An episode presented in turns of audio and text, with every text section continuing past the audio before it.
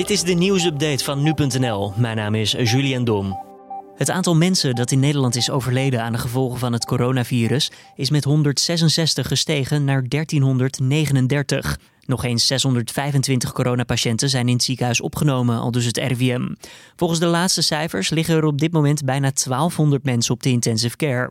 Dat zijn er ongeveer 40 meer dan woensdag rond deze tijd, blijkt uit cijfers van de Nationale Intensive Care Evaluatie. Terwijl het aantal doden nog altijd oploopt in Spanje, wijzen gezondheidsdiensten daarop het feit dat de besmettingscijfers een afvlakking laten zien.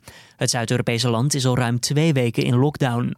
Eerder deze week werden de maatregelen nog aangescherpt. Alle mensen met een niet-essentieel beroep moeten nog twee weken thuis blijven. De coronacrisis heeft ondertussen al een krater achtergelaten in de Spaanse economie. Al meer dan 900.000 Spanjaarden zijn hun baan verloren.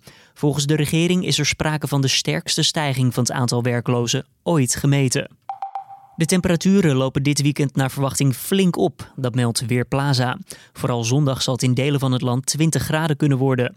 De sterke stijging van de temperatuur wordt veroorzaakt doordat de wind draait naar het zuiden. Zaterdag is het al iets te merken met zo'n 14 graden, maar zondag is het dan echt volop lente buiten.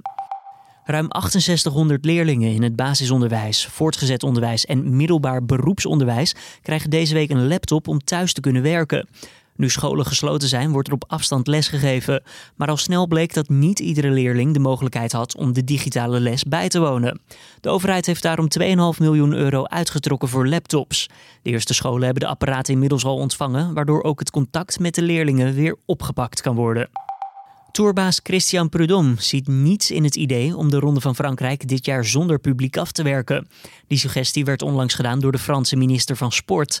Prudhomme vertelde dat hij uiterlijk 15 mei een beslissing verwacht en dat uitstel naar een latere periode in het jaar onderzocht wordt. De tour staat vooralsnog gepland om te beginnen op 27 juni. Sinds de eerste editie in 1903 werd de tour alleen rondom beide wereldoorlogen niet georganiseerd. De tour van dit jaar zou de 107e editie van de grootste wielerkoers ter wereld moeten worden.